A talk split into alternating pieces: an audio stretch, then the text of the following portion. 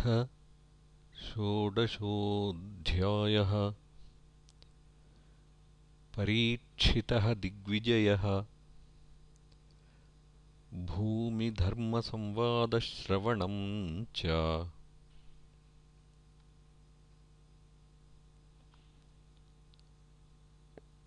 सूत उवाच। ततः परीक्षिद्विजवर्यशिक्षया महीं महाभागवतः शशासः। यथा हि सूत्यामभिजातकोविदाः समादिशन् विप्रमहद्गुणस्तथा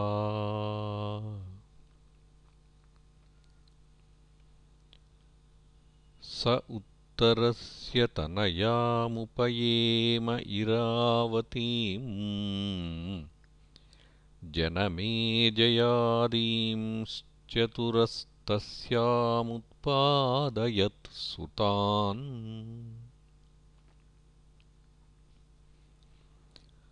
आजहाराश्वमेधां स्त्रीन् गङ्गायां भूरि दक्षिणान् शारद्वतं गुरुं कृत्वा देवायत्राक्षिगोचराः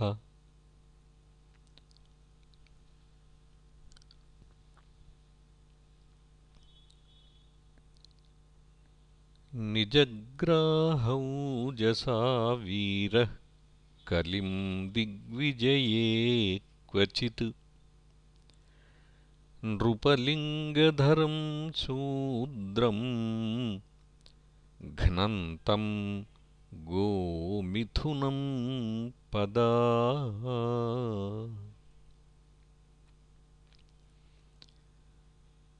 शौनक उवाच कस्य हेतोर्निजग्राहकलिं दिग्विजये नृपः नृदेवचिह्नदृक्शूद्रः कोऽसौ गां यः पदाहनत्? तत्कथ्यतां महाभाग यदि कृष्णकथाश्रयम्। अथवास्य पदां भोजमकरन्दलिहां सताम्। किमन्यैरसदालापैरायुषो यदसद्व्ययः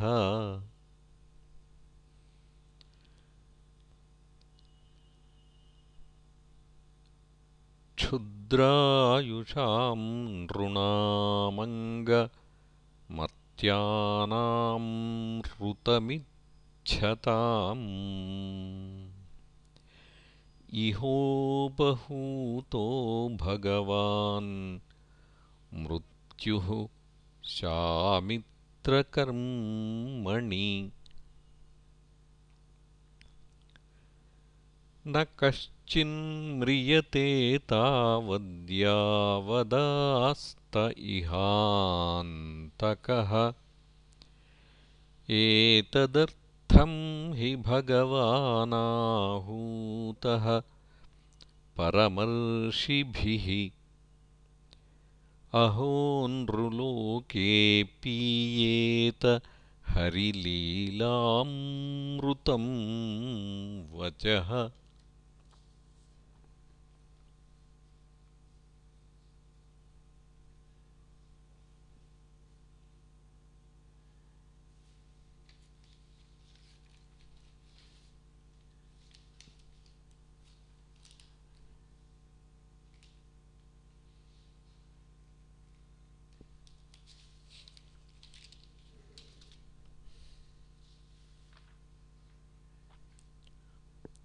मन्दस्य मन्दप्रज्ञस्य वयो मन्दायुषश्च वै। निद्रया ह्रियते नक्तं दिवा च व्यर्थकर्मभिः। सूत उवाच यदा परीक्षित्कुरुजाङ्गले वसन्। कलिं प्रविष्टं निजचक्रवर्तिते। निशम्यवार्तामनतिप्रियां ततः शरासनं संयुगशौण्डिराददे स्वलङ्कृतं श्यामतुरङ्गयोजितम्। रथं मृगेन्द्रध्वजमाश्रितः पुरात्। वृतोरथाश्वद्विपपत्तियुक्तया स्वसेनया दिग्विजयाय निर्गतः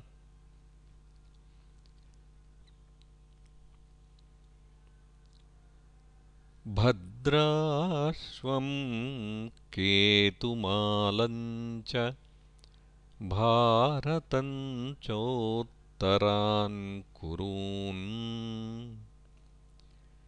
किं पुरुषादीनि वर्षाणि विजित्यजगृहे बलिम्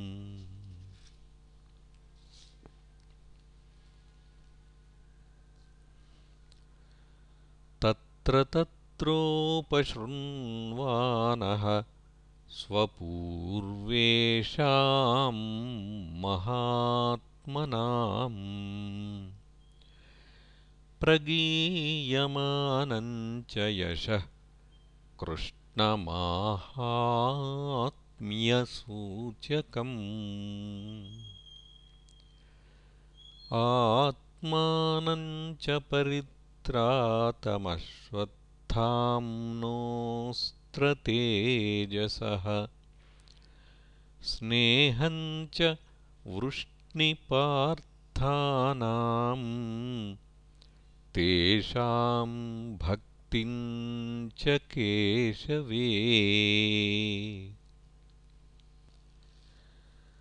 तेभ्यः परमसन्तुष्टः प्रीत्युजृम्भितलोचनः महाधनानि वासांसि ददौ हारान् महामनाः।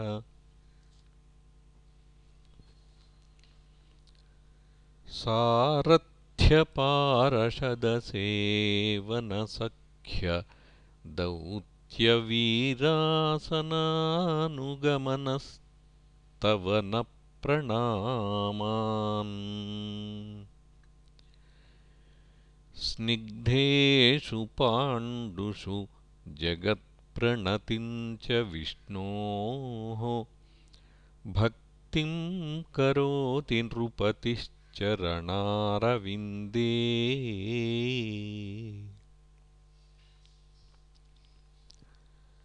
तस्यैवं वर्तमानस्य पूर्वेषां वृत्तिमन्वहम्। नातिदूरे किलाश्चर्यं यदासीत् तन्निबोध मे। धर्मः पदैकेन चरन् विच्छायामुपलभ्य गाम् पृच्छति स्माश्रुवदनाम् विवत्सामिव मातरम्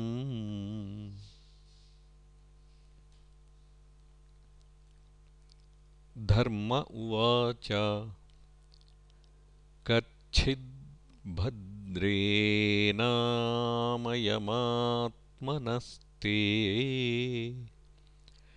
विच्छायासिम्लायते षण्मुखेन।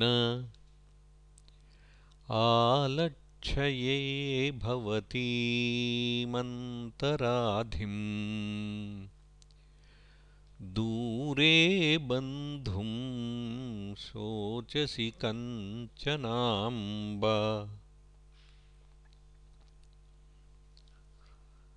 पादैर्न्यूनं शोचसि मैकपादम्। आत्मानं वा वृषलैर्भोक्ष्यमाणम्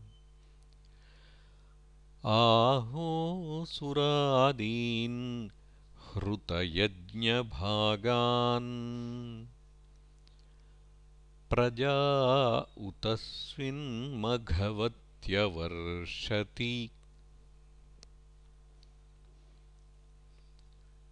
अरक्ष्यमाणाः स्त्रियः उर्विबालान् शोचस्यथो पुरुषादैरिवार्तान्। वाचं देवीं ब्रह्मकुले कुकर्मण्यब्रह्मण्ये राजकुले कुलाग्र्यान्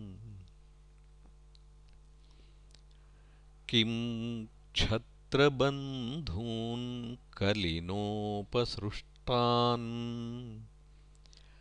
राष्ट्राणि वा तैरवरोपितानि?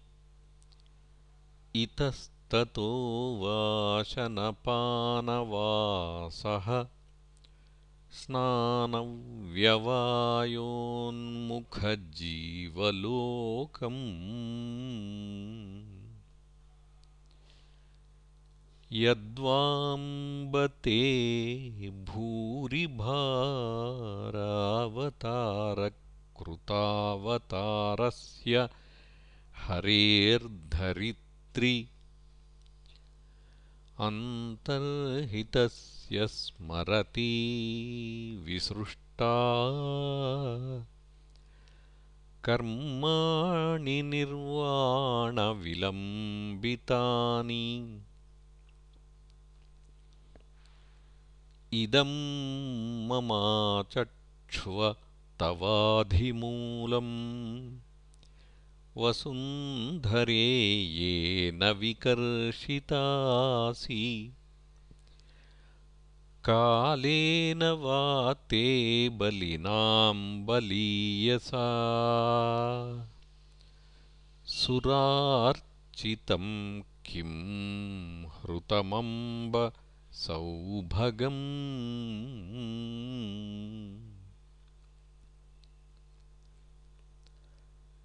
धरण्युवाच। भवान् हि वेद तत्सर्वम् यन्मां धर्मानुपृच्छसि। चतुर्भिर्वर्तसे येन पादैर्लोकसुखावहैः। सत्यं शौचं दया क्षान्तिस्त्यागः सन्तोष आर्जवम्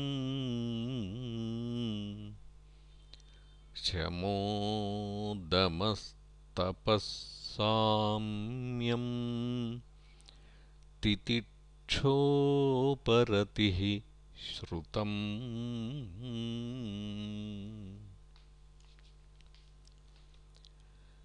ज्ञानं विरक्तिरैश्वर्यम्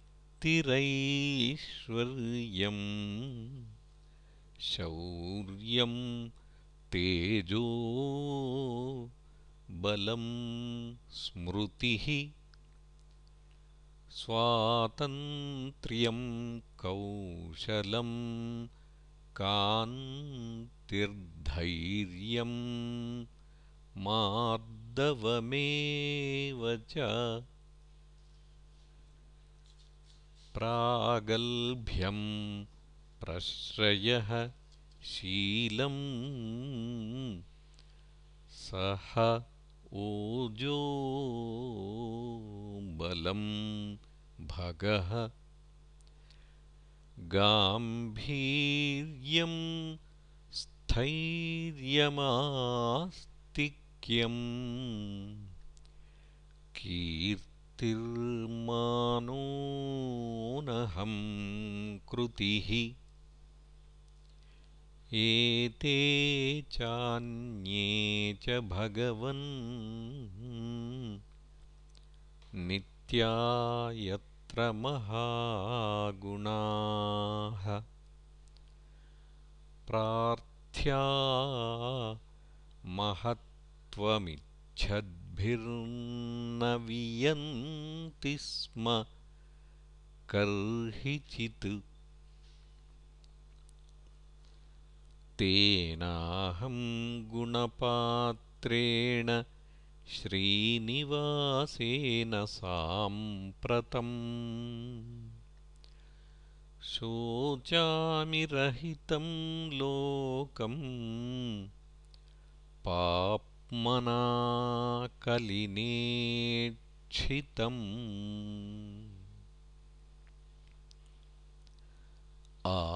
आत्मानं चानुशोचामि भवन्तं चामरोत्तमम्। देवान् ऋषीन् पितॄन् साधून् सर्वान् वर्णांस्तथाश्रमान्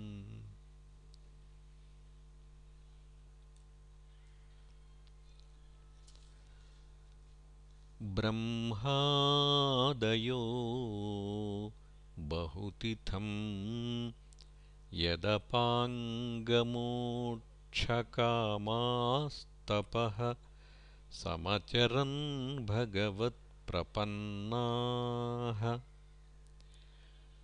सा श्रीः स्ववासमरविन्दवनं विहाय यत्पादसौभगमलं भजतेऽनुरक्ता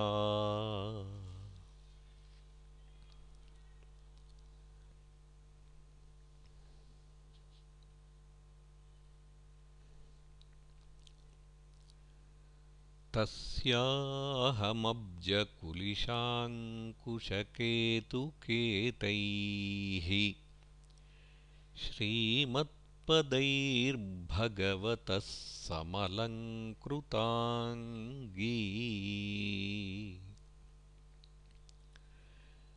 त्रीनत्यरोच उपलभ्य ततो विभूतिम्।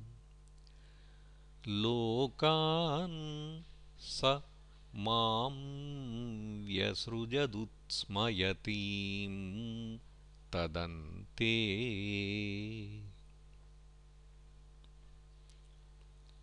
यो वै ममातिभरमासुरवंशराज्ञाम्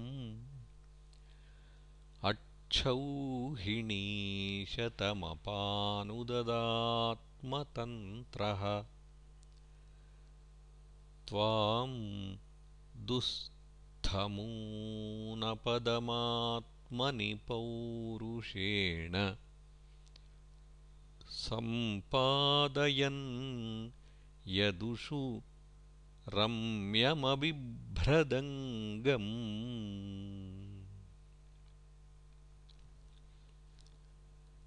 कावासहेतविरहम्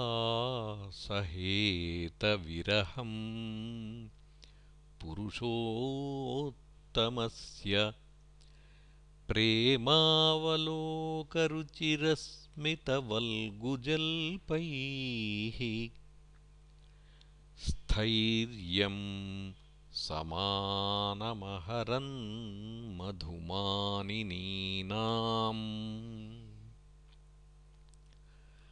रोमोत्सवो मम यदङ्घ्रिविटङ्कितायाः। तयोरेवं कथयतोः पृथिवीधर्मयोस्तदा। परीक्षिन्नामराजर्षिः प्राप्तः प्राचीं सरस्वतीम्। इति श्रीमद्भागवते महापुराणे पारमहंस्यां संहितायां प्रथमस्कन्धे षोडशोऽध्यायः